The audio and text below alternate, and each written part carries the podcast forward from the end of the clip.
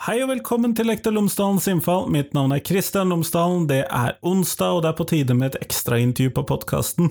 I dag så kommer det siste valg eh, ekstraepisoden på podkasten. Jeg tror ikke det blir noen flere nå, men jeg snakker i hvert fall med Utdanningsforbundets leder, Steffen Handal, og vi snakker om denne SSB-rapporten som kom nå i vår, som sa dette at uh, vi i fremtiden så vil vi ha et overskudd av lærere.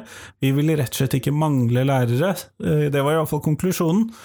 Den rapporten skal vi snakke om. Den ble annet tatt opp av uh, Solveig Schytz fra Venstre i intervjuet i tilknytning til valget med henne, sånn at den tror jeg blir interessant å prate om. Hva tenker Steffen om konklusjonen i den rapporten? I Podkasten er jo også som alltid sponset av Cappelen Dam Utdanning. Og hvis du går inn på skolen.cdu.no, så finner du alle de ressursene, oppleggene, materialet i det hele tatt som Cappelen Dam Utdanning har laget i forbindelse med eh, fagfornyelsen. Der finner du alle årstrinn, alle tema, alle klasser, alle fag, alt sammen. Det finner du der. Skolen.cdu.no, altså. Men Her kommer intervjuet med Steffen, vær så god.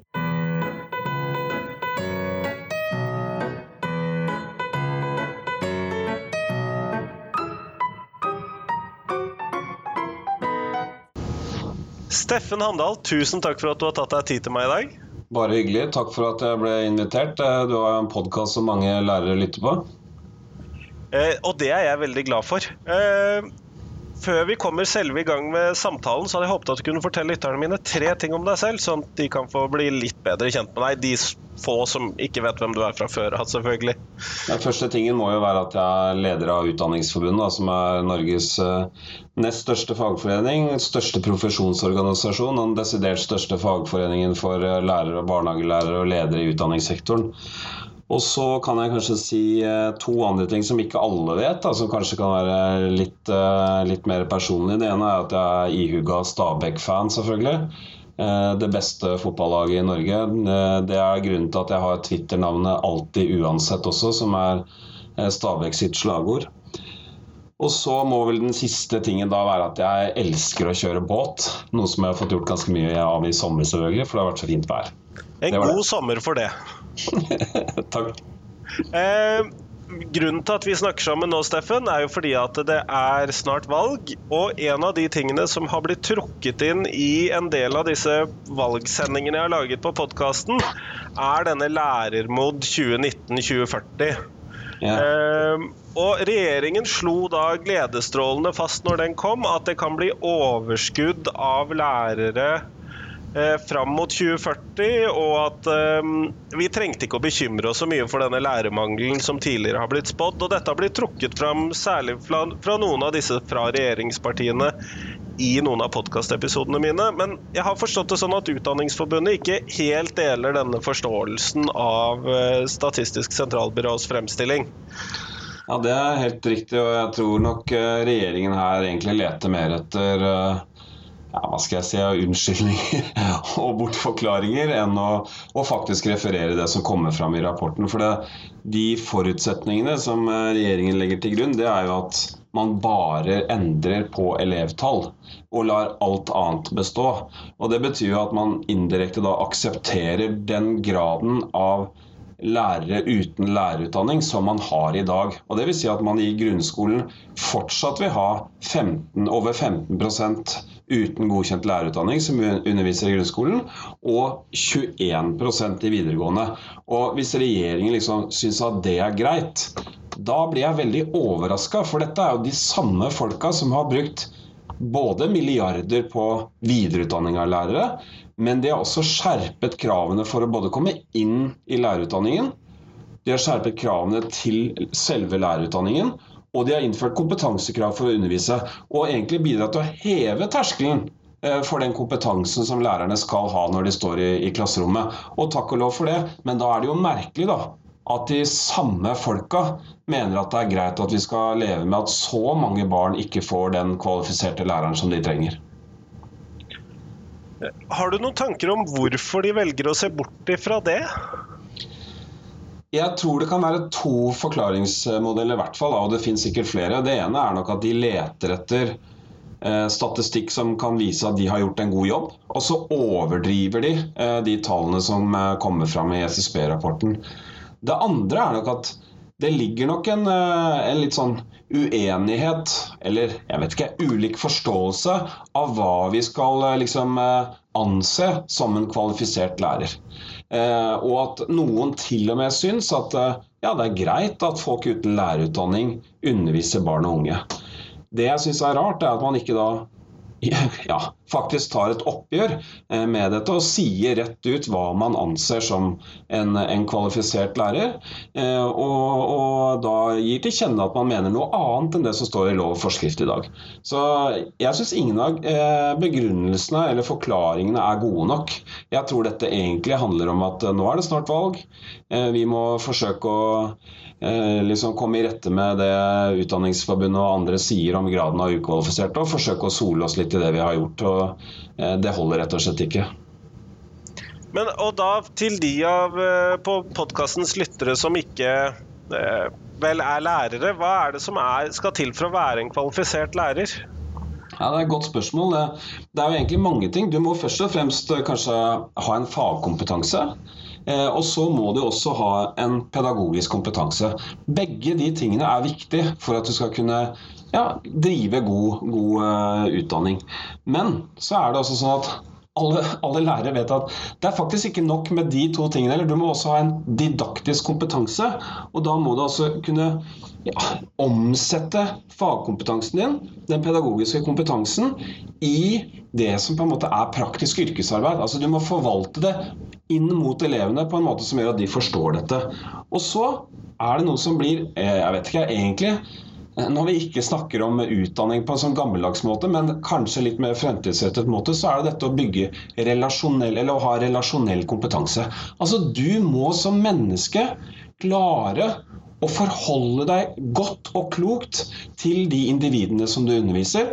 Og du må også evne å ta imot eh, signaler fra de du underviser, og faktisk endre måten du er på. Den relasjonelle kompetansen den vet lærere er kjempeviktig, men den er nok undervurdert blant folk utenfor skole, skoleverket. Og så er det, det er flere andre kompetanser også som er viktige. Eh, endrings- og utviklingskompetanse. Bare tenk deg det siste året. Eh, pandemien altså Hvis læreren liksom bare hadde fortsatt å liksom undervise på akkurat samme måten, så hadde det jo ikke gått bra. Eh, så når Nova Anders Bakken nå presenterte tall på Arendalsuka om at eh, ja, norske barn og ungdom har egentlig de har det egentlig ganske bra også gjennom pandemien og nå etterpå. Alt er forholdsmessig, selvfølgelig. Så er det et tegn på at ja, lærere og foreldre har faktisk klart å omstille seg og gitt en utdanning som, som faktisk er annerledes, men, men, god. Og det siste som jeg har lyst til å kanskje trekke fram nå, da, det er at selv om du har alle disse kompetansene, og selv om du eh, kanskje forvalter de eh, på den måten som du mener er effektiv, eller kanskje riktig, så kan du faktisk også ende med å opptre på måter som ikke er etisk forsvarlig. Og Derfor har også lærere, eller skal i hvert fall ha, en profesjonsetisk kompetanse. Det holder faktisk ikke å bare eh, lære elevene å lese og skrive. Du skal gjøre det på en måte som står seg i møte med noen verdier. Menneskerettighetene, eh, den norske grunnloven kanskje til og med, og vår egen eh, profesjonsetiske plattform. Og Hvis du ikke gjør det, så kan du faktisk i din iver etter å, å lære barn og unge å lese og skrive, eh, opptre på en måte som skader barn og unges eh, ja, moralske eller etiske eh, grunnlag. Og det, det, er jo ikke bra. Sånn at eh, denne rapporten ser jo da tydeligvis bort ifra behovet for dette, da. Ja, det vil jeg si, og særlig kanskje hvis man man sier at eh, ja, hvis du, hvis du liksom ja, hvis du er ferdig på videregående og, du har jobbet som vikar i, i fire-fem år, eh, så bør vi jo kunne anse deg som, eh, som, en lærer. Det er ikke riktig. Altså, det kommer ikke til å stå seg over tid. Og jeg tror, jeg tror nok mange har opplevd at de kanskje har fått en vikar som de syns har vært flink der og da. Og det, det skjer jo. Det kan jo hende. Noen jo, har jo talent for å være lærere, akkurat som andre ting. Absolutt, men det holder, det holder, liksom ikke. Du må ha en fagkompetanse også. Særlig når du da plutselig møter en elev som du ser Oi, her er det, her er det utfordringer. Her har du lese- og skriveutfordringer, eller du har eh, kanskje problematikk på andre måter. Og så, da har du jo ikke verktøy på samme måte som det en, en eh, lærerutdannet lærer har. Og det er også sånn at Fagkompetanse endrer seg. Du må kunne følge med i faget ditt for også å kunne eh, endre og utvikle praksisen din. Og jeg må også legge til, og dette er en erfaring som vi har, har særlig fordi vi også organiserer barnehagelærere. Hvis du er i et fagmiljø, sånn som veldig mange barnehagelærere er, hvor en, et flertall, eller veldig mange av de, dine kollegaer, ikke har den eh, faglige eller pedagogiske kompetansen, så vil du også ende med å gjemme bort fagspråket ditt, kommunisere upresist med kollegaene dine, og faktisk ikke kunne dra nytte av den kompetansen du har. Altså Du gjemmer bort den faktisk kompetanse hos de som har den, fordi at eh, du jobber sammen med folk som ikke har den. Fordi man ønsker å bli forstått av de, da? Nettopp.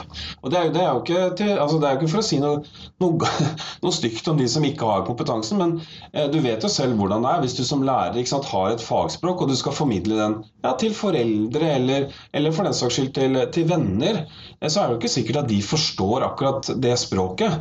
Det er jo det samme som, eh, som eh, hvis du kommuniserer med folk fra en annen eh, profesjon, så vil du ikke umiddelbart kunne, kunne vite og forstå hva de mener.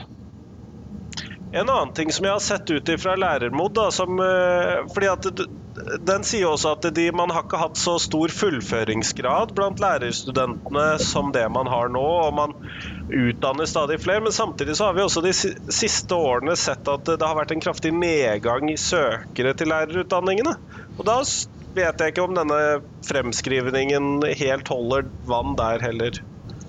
Nei, vi har sett at eh, både søkningen til lærerutdanningen har, eh, har sunket, men også eh, opptaket til lærerutdanningen. Vi fikk tall nå eh, i juli som viser at eh, eh på grunnskolelærerutdanningen for trinn 1 til 7 så, så sank opptak, eh, opptaket med 3,6% Grunnskolelærerutdanningen for trinn 5 til 10 sank med 14,9% og til og med lektorutdanningene 8-13 sank med, med 4,3% Det er klart, det er jo dramatiske tall. Altså, vi, kan jo, vi kan jo ikke da late som ingenting og la det skure og gå, og egentlig liksom late som at dette ikke er et problem. Det går rett og slett ikke an. Hva tenker du bestillingen til de politiske partiene må være? Fordi at det, eh, det må jo Jeg regner med at Utdanningsforbundet har en bestilling her til eh, partiene i denne forbindelsen her? Ja, det er, det er, flere ting vi kan gjøre her. Det ene er jo selvfølgelig å jobbe med opplæringsloven. Og Der er det jo et utvalg som, eh, som har gitt eh, sin utredning, og hvor det ligger noen anbefalinger fra dem. Men jeg mener jo at vi på sikt må få en, et lovverk som er mye strengere, og som sikrer alle elever ikke bare en rett til et antall undervisningstimer, men retten også til at de skal ha kvalifiserte lærere i de timene. Det er det ene veien vi kan gå. Den andre veien er selvfølgelig å gå og tenke at dette handler også om ressurser. Vi vet at det i dag er mulig å be kvalifiserte lærere om å jobbe overtid, men vi vet at det på mange skoler ikke er midler til å gjøre det. Og det er klart, Da får man ikke den rette dynamikken, og man undergraver egentlig statusen eh, til, eh, til lærerne. Og jeg tror også at eh, vi bør kunne forvente at politikerne, og partiene ikke minst, tenker i kommunesektoren hvordan skal vi sikre at lønns- og arbeidsvilkårene til lærere blir så gode at ikke folk stikker fra yrket? For i dag er det faktisk mange som forlater yrket. Over 40 000 i Norge norske lærere jobber i dag i andre yrker. Og vi vet at 50% i en undersøkelse svarte nylig at de enten hadde søkt en annen jobb, eller vurderte å søke en annen jobb. Så det å jobbe med lønns- og arbeidsvilkår det er selvfølgelig en kjempeviktig ting.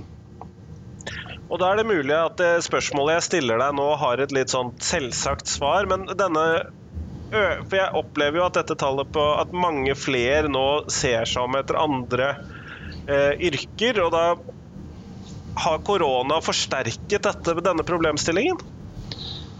Jeg tror det, men det er fortsatt Altså, jeg kan ikke dokumentere det i dag, men jeg kjenner jo folk som sier at vet du hva, jeg må ha et års pause. For jeg bare Det, det var så heavy, det, det, vi var gjennom under pandemien, at jeg, jeg, må prøve noe annet en stund. Eh, det ble rett og slett for mye.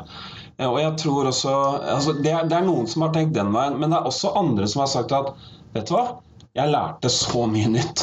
Og nå har liksom digitaliseringen slått inn for fullt. Jeg, jeg, føler at her er det et potensial. Jeg har brennende lyst til å fortsette. Eh, men jeg, jeg, tror nok det er mange som ble veldig slitne i fjor. Og jeg frykter at pandemien kan gjøre at flere forlater læreryrket. Det må jeg være så ærlig å si. Eh, det er, det er ganske mye fra de undersøkelser vi gjør blant våre egne som, som tyder på det, rett og slett. Men når du da trekker fram alle disse tingene her, så tenker jeg jo at det blir hva skal vi kalle etisk problematisk da, at uh, de politiske partiene baserer seg på en fremskrivning med såpass tydelige hull? Ja, det er veldig ja, Det er ikke bare problematisk, det er jo en, eh, det er et kjempestort uh, Altså ja, det er et gigantisk problem. Og hvis ikke vi får eh, politikere, og KS spesielt, da, til å erkjenne dette problemet, så får vi i hvert fall ikke gjort noe med det. Så jeg syns jo Henrik Asheim som kunnskapsminister, da han la fram disse tallene, overdrev dette på en sånn måte at det er faktisk til hinder eh, for, å, for, å, faktisk få gjort noe med dette problemet. Og da, da bidrar han egentlig til å gjøre norsk skole dårligere eh, framfor å gjøre den bedre. Ja, fordi at Hvis det fester seg en, eh, et virkelighetsbilde da, av at det vil bli et overskudd av lærere, så er vel ikke det heller noe som sikrer økt rekruttering til læreryrket? Fordi at vi, mange som blir, blir lærere, ønsker jo også et trygt yrke. Ja, absolutt. Det har du helt rett i. Og det, jo, det er veldig mange yrker hvor det å ha Uh, ha et overskudd til og med kan være en bra ting. Altså, ja, Hvorfor skulle det være sånn for læreryrket at vi, liksom, vi skal fortsette å ikke prøve ut lønns- og arbeidsvilkår som, et, som, en mulighet for å drive rekruttering? Og hvorfor skulle det ikke være overskudd av lærere? Hvorfor skulle ikke unge strømme til dette yrket? Og vi virkelig måtte sile ut og velge de beste og faktisk få en kamp om plassen. Ville ikke det vært bra? Er ikke det det vi liksom ønsker for det norske samfunnet framover? Ja, altså det at man da velger Man kan velge bort noen søkere istedenfor å måtte ta de man får, særlig i Distrikts-Norge? Nettopp. Eh, problemet i Distrikts-Norge i dag mange steder er at eh, andelen ukvalifiserte er nå så høy at det i seg selv bidrar til en, altså, det blir en ond sirkel. da. Fordi at det er så mange ukvalifiserte, så vil ikke folk jobbe der. Og så er man inne i den onde sirkelen. Det der, er, eh, det der kan bli vanskelig å snu også. Og vi trenger ikke bortforklaringer da. Vi trenger tiltak, og vi trenger det nå. Men nå må jeg stille et spørsmål som eh, kanskje avslører min uvitenhet. fordi at jeg har jo alt, jeg har sett disse lærermodene før, og så har jeg sett det at eh, ja da, vi, har, vi, får en lærermangel, og den er så stor eller så stor. Eh, og det har jeg sett før. Men det at den i år da viste et overskudd i fremtiden, eh, er det fordi at de har endret på regnemåten, eller er det endring i bestillingen, eller eh, er det ja, hvis du skjønner hva jeg spør om? Ja, det har vært eh, Altså, i den tiden som eh, jeg har vært eh, sentral tillitsvalgt, så har dette endret seg veldig dramatisk, disse tallene. Jeg tror det var en stund vi opererte med en mangel på 30 og 40 000 lærere ikke sant, fram i tid.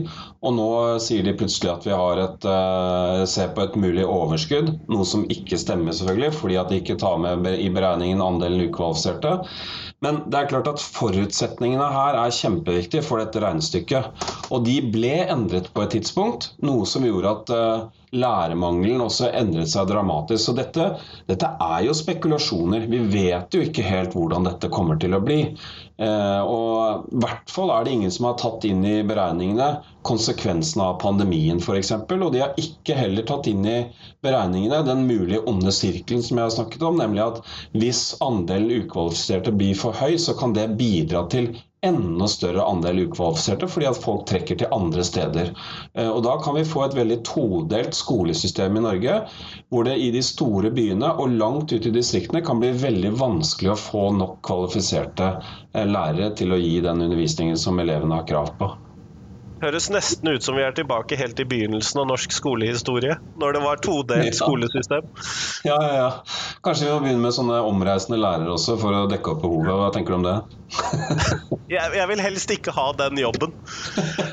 ikke jeg heller, egentlig. Det, Men det, men det som, er, det som jeg syns er det som er det verste med dette, det er at jeg stadig vekk ender opp i diskusjoner hvor jeg må beskrive egentlig elendigheten. Istedenfor å kunne fokusere på at vet du hva, eh, dette er en av de fineste jobbene du kan ha. Eh, Dette er en av de mest givende jobbene du kan ha. Og du, kan du tenke deg noe, en bedre sak å jobbe med enn å utdanne eh, fremtidens borgere? Det er jo, altså, det er jo et så fantastisk oppdrag og et, en så givende jobb. Og det er jo synd at det skal være vanskelig å rekruttere til, til dette yrket. Det er nesten ikke til å tro, altså. Det må jeg si. Nei, det, det, der er jeg virkelig helt enig med deg. Dette er, det er den eneste jobben jeg egentlig kan tenke meg å ha over tid. Ja, har jo jeg, jeg har jo liksom også hatt et, et liv som, eh, som tillitsvalgt eh, i en del år nå.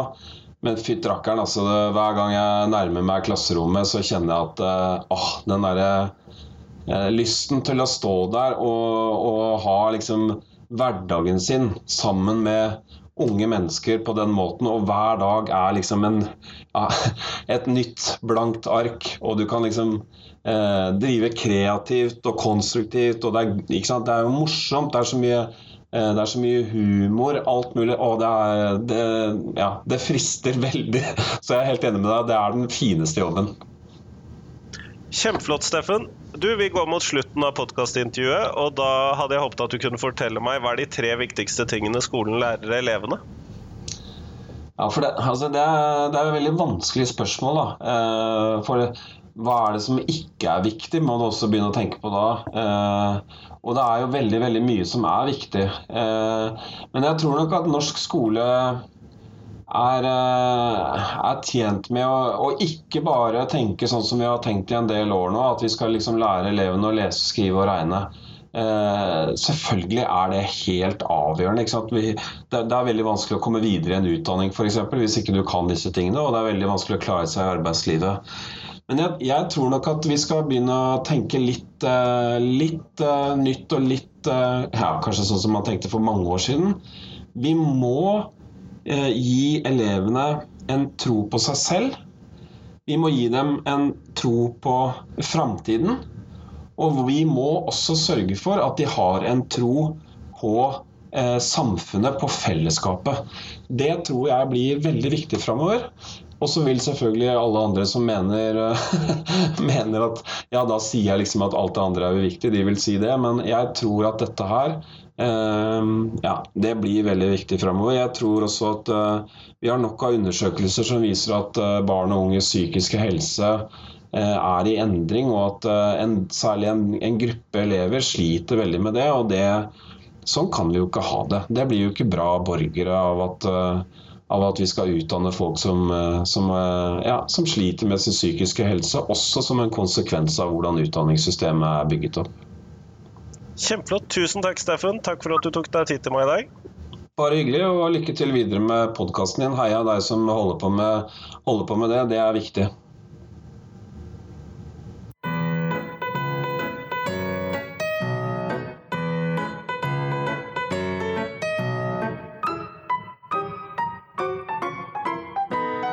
Tusen takk til Steffen, og tusen takk til deg som har hørt på. Nå er det fram til fredag. Da kommer livesendingen min som jeg spilte inn på tirsdag. Da kommer den på podkasten. Så det blir den aller, aller siste valgsendingen for i år. Da møtes flere av de store partiene for å diskutere norsk skolepolitikk fremover. Du har hørt mange av dem i de tidligere valgsendingene på podkasten. Nå møtes de for å diskutere. Det tror jeg blir spennende. Så for deg som ikke var til stede på valgsendingen, veldig spennende. Kanskje ikke så spennende for deg som var til stede. Men hvis du har lyst til å høre noe om igjen, så gjerne for meg. Eh, tallene teller, vet du. Men i hvert fall, eh, ha en fin uke. Hei, hei.